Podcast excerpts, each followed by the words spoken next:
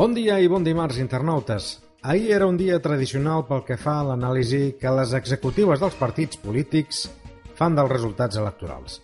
A destacar que segueix imposant-se el missatge generalista que tothom ha guanyat, excepte Solidaritat per la Independència que ha quedat fora del Parlament.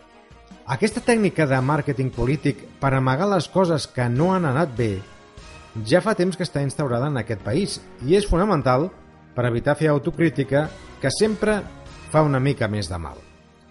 Tot i això, el quadre pintar no és precisament fàcil i es comencen a veure els primers moviments per formar govern. En una compareixença pública, Artur Mas i Josep Antoni Duran i Lleida van analitzar uns resultats inesperats i a la baixa.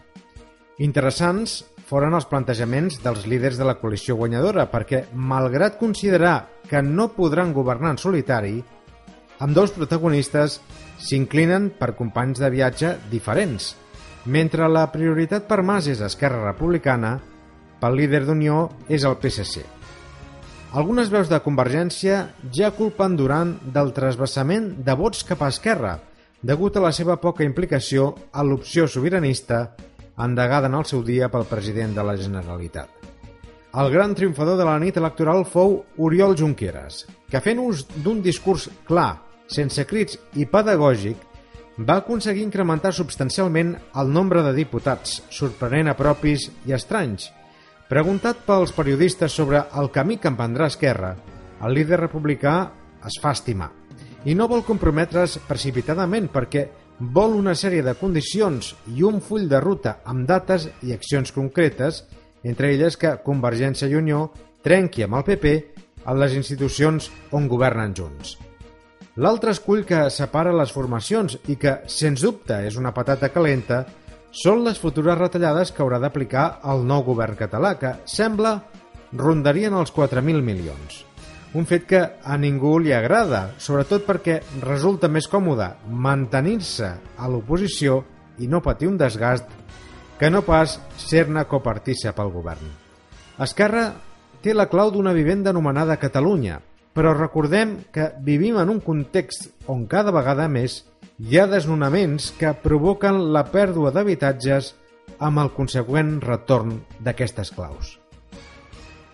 D'altra banda, el PSC no es mostra disposat a donar suport al futur govern, entre altres coses, perquè en prou feines estan digerint els pitjors resultats que han patit els socialistes catalans. Tot i així, Duran i Lleida és sabut que prefereix un partit no independentista per pactar i posar en solfa la famosa sociovergència. Pere Navarro, malgrat aquests resultats dolents, es mostra confiat en que l'executiva del partit li doni suport, sobretot perquè esperaven perdre molt més i encara s'han mantingut com a tercera força al Parlament.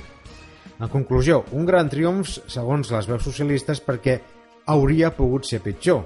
No sé si pitjor seria formar part del grup mixt. Acabem l'anàlisi d'avui no sense parlar d'un gran estadista mundial anomenat José María Aznar, el president del Laboratori d'Idees del PP. Segueix presentant-nos les seves memòries i aprofita la vinentesa per carregar contra els catalans. Ahir, per exemple, afirmava que els nacionalistes no han estat mai bons governants i només han provocat embolics i generat problemes. Sembla que del famós pacte del Majestic, signat amb Convergència, no se'n recorda. Una paradoxa interessant, sent l'autor d'un llibre de memòries, on per cert tampoc recorda com va contribuir a difondre les mentides sobre la guerra d'Iraq amb els seus amics Bush i Blair.